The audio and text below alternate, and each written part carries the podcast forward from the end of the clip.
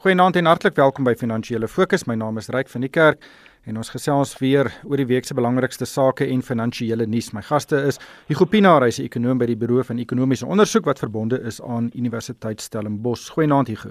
Goeienaand Ryk en luisteraars. En ook Christo van der Rede, hy's die adjunk uitvoerende direkteur van Agri SA. Goeienaand Christo. Goeienaand en goeienaand aan almal wat inluister. Hier kom ons begin by ons ekonomie. Ons het hierdie week twee aankondigings gesien oor ons ekonomie en eh, ek hoop regtig die minister van finansies, die president, alle vakbondleiers en alle besluitnemers in die private sektor neem van hierdie aankondigings kennis. Eh, die eerste een was die werkloosheidssyfer wat Statistiek Suid-Afrika aangekondig het en die tweede een was 'n ontledingsverslag van Moody's oor ons ekonomie.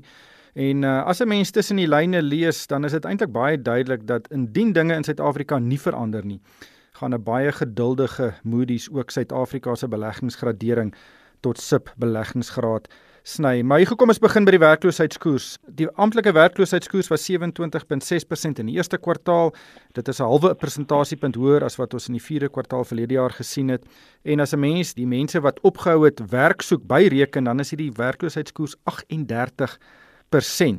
Uh en dit styg. Uh, dis gaan in die verkeerde rigting en, en dit dis sekerlik een van ons grootste strukturele probleme in die ekonomie. Uh on, sonder twyfel ryk. Ehm um, en ek dink dit is maar mense sê dis baie, maar dit is maar tot 'n groot mate 'n simptoom van 'n paar goed, maar een natuurlik is wanneer die die ekonomie groei eenvoudig nie teen 'n vinnig genoeg tempo om mense wat in die werksmag inkom uh, te absorbeer nie.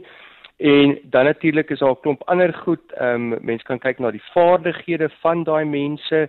Ehm um, so is die so dis nie net 'n geval dink ek van 'n ekonomie wat nie vinnig genoeg groei nie, maar is die mense wat in die werksmag inkom, het hulle die die nodige vaardighede om hulle aantreklik te maak vir die privaat sektor om hulle in diens te neem en klaarblyklik uh, ongelukkig nie. So ons weet die die probleme in die onderwysstelsel. So ek dink dis die tipe van goed, ehm um, uh, beter gehalte onderwys is is definitief 'n prioriteit vir ehm um, vir die nuwe administrasie of dit behoort aan aan aan die top van die lys te wees. Ja. Christo, die aantal werklose mense in Suid-Afrika beloop nou 6,2 miljoen mense en die aantal mense wat werk het is 16.3 miljoen mense. Dit beteken daar rolweg vir elke 3 mense wat werk het, is daar een persoon wat werkloos is. En en dit is nie volhoubaar nie. Nee, dit is glad nie volhoubaar nie. Onthou, werkloosheid is die grootste drywer van armoede. En ons sien hoe armoede besig is om toe te neem op alle vlakke van die samelewing. Uh daar's 'n ander groot probleem. Uh arme mense raak toenemend afhanklik van die staat se intervensies. Ons sit reeds met amper 17,5 miljoen mense wat afhanklik is van staatstoelaas. Ons spandeer so wat 200 miljard rand per jaar uh net om uh op welstandstoelaas. Uh kan daardie geld nie anders aangewend word om byvoorbeeld uh jy weet om meer ekonomiese stimulering teweeg te bring nie. So ons uh land staar 'n baie baie groot krisis uh, in die gesig.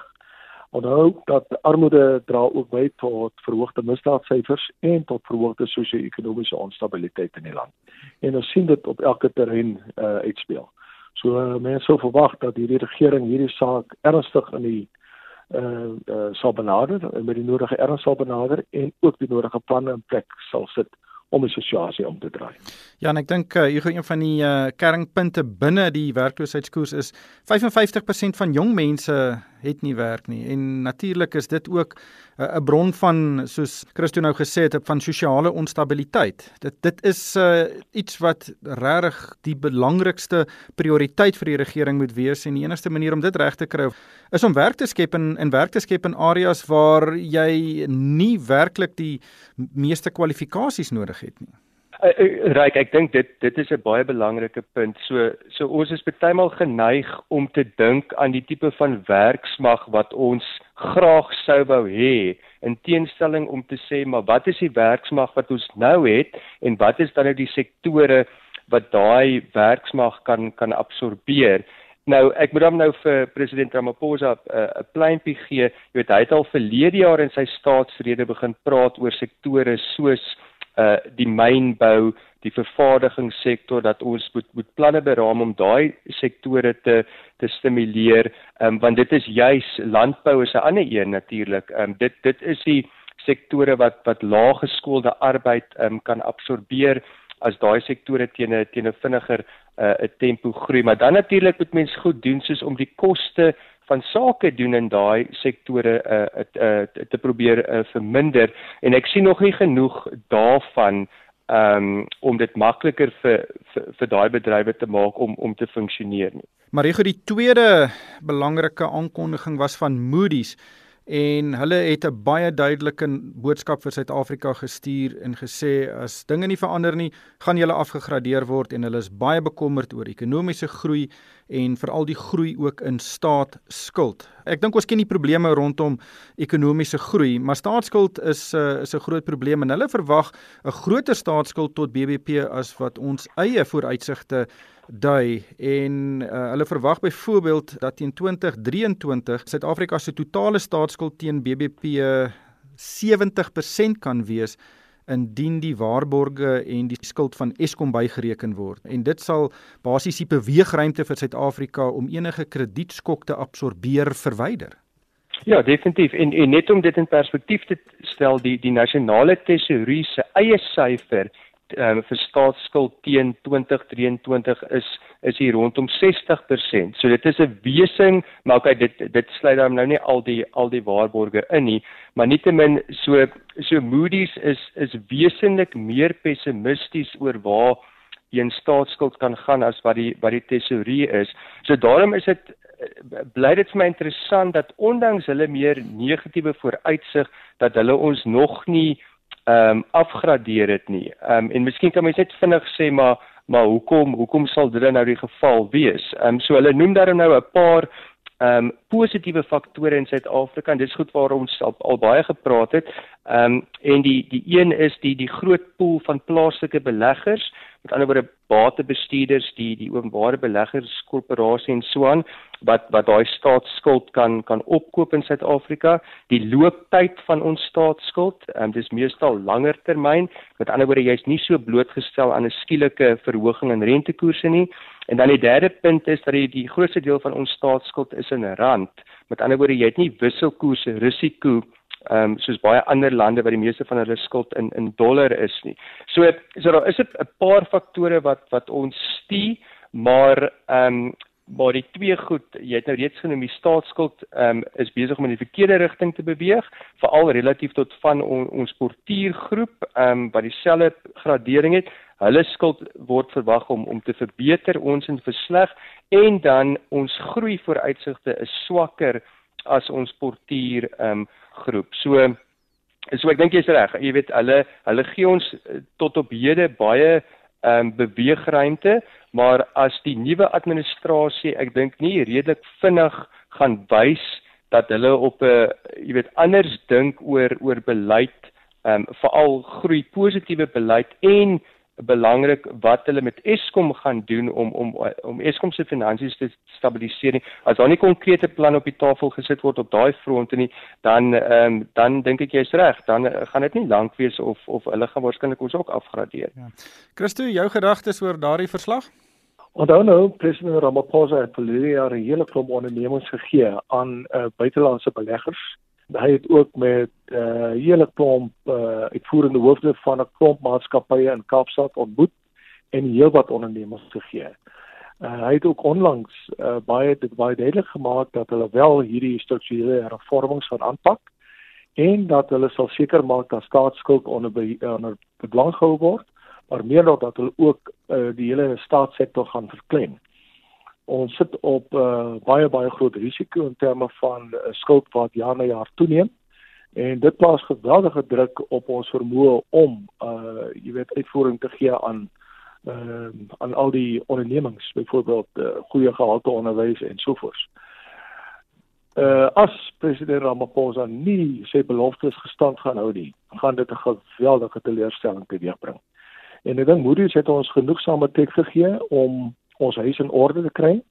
En uh, uh polities gesproke is president Ramaphosa in 'n baie sterk posisie om uitvoering te gee aan al sy ondernemings. Uh, sy vyande in sy uh, geleedere, veral die Zuma faksie, is in 'n uiters swak posisie op hierdie stadium. So ek dink hy moet onder enige omstandighede uh, sy eie posisie kompromiteer om met hulle byvoorbeeld in vennootskap in te gaan of sekere ooreenkomste met die Zuma faksie te sluit nie.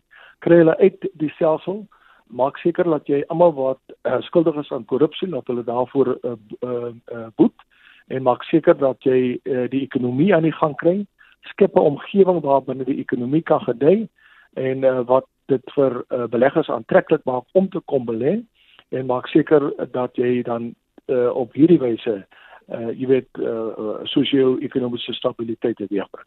So ja, die bal is in sy hande en wat hy daarmee gaan maak, uh, uh dit dit is 'n kwessie van wag en sien. Ja, ek hoop jy's reg en en en ek stem in 'n groot mate met jou saam. Ek dink Moody's is soos 'n moeder wat net die goeie dinge in 'n stout kind raak sien en en hopelik kan ons ten minste inkrementeel verbeter op van ons belangrikste aanwysers soos ekonomiese groei want dit sal die afgradering vertraag of dalk selfs 'n 'n opgradering meebring. Um, ons is natuurlik op die laagste beleggingsgraderingskerf. Maar uh Christo, kom ons gesels landbou. Dit was uh hierdie week die Nampo Oesdag. Dis natuurlik 'n enorme gebeurtenis daar in Botawil in die Vrystaat. Uh, meer as uh, 80000 mense was daar. Daar was 'n rekord aantal uitstallers, uitstallers van skou vee en uh, natuurlik die jongste tegnologie vir vir die landboubedryf.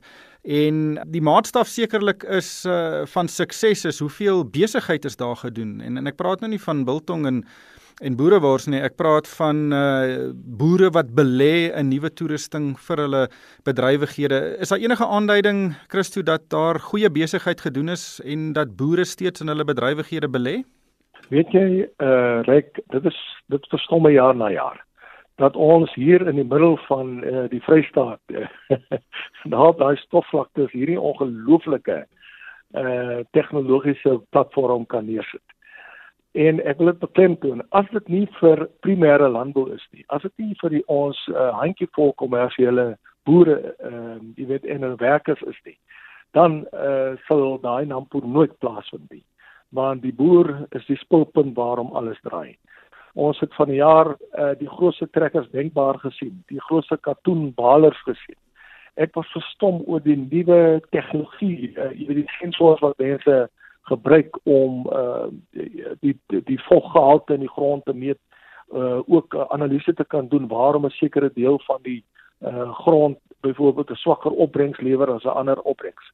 Met ander woorde, die boer sit vandag met ongelooflike uh tegnologiese platforms um, en dit, dit is vir hom tot sy beskikking of vir haar tot tot haar beskikking wat hulle kan gebruik om hulle opbrengste te kan verbeter en op baie meer effektief en winnigewend te kan boer.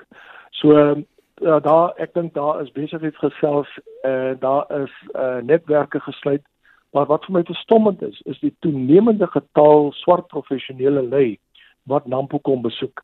En uh, dit gee vir my baie hoop op die toekoms. Dit wys my dat ons besig om in die landbousektor verhoudinge te normaliseer en om die uh, jy weet om om uh, die hele gedagte dat uh, grondoneeners sonder vergoeding uh dit doods kan plaasvind om dit uh in die bed te sit mense besef dat landbou is baie meer as net grond Ja, hier goed langs uh, wel daar word ook baie gepraat en daar word debat gevoer oor geleenthede en uitdagings in die landbousektor en een van die groot onderwerpe hierdie jaar was vennootskappe tussen die regering en die private sektor om ekonomiese groei en die skep van werksgeleenthede in die landbousektor te verhoog. Ehm um, en natuurlik is uh, sit tot soos um, Christo nou gesê het, was daar 'n bietjie spanning en is daar seker spanning tussen die regering en boere, maar ten minste lyk dit asof daar vennootskappe uh, kan plaas plaasvind en en en hoe meer mense saamwerk, hoe beter word 'n verhouding.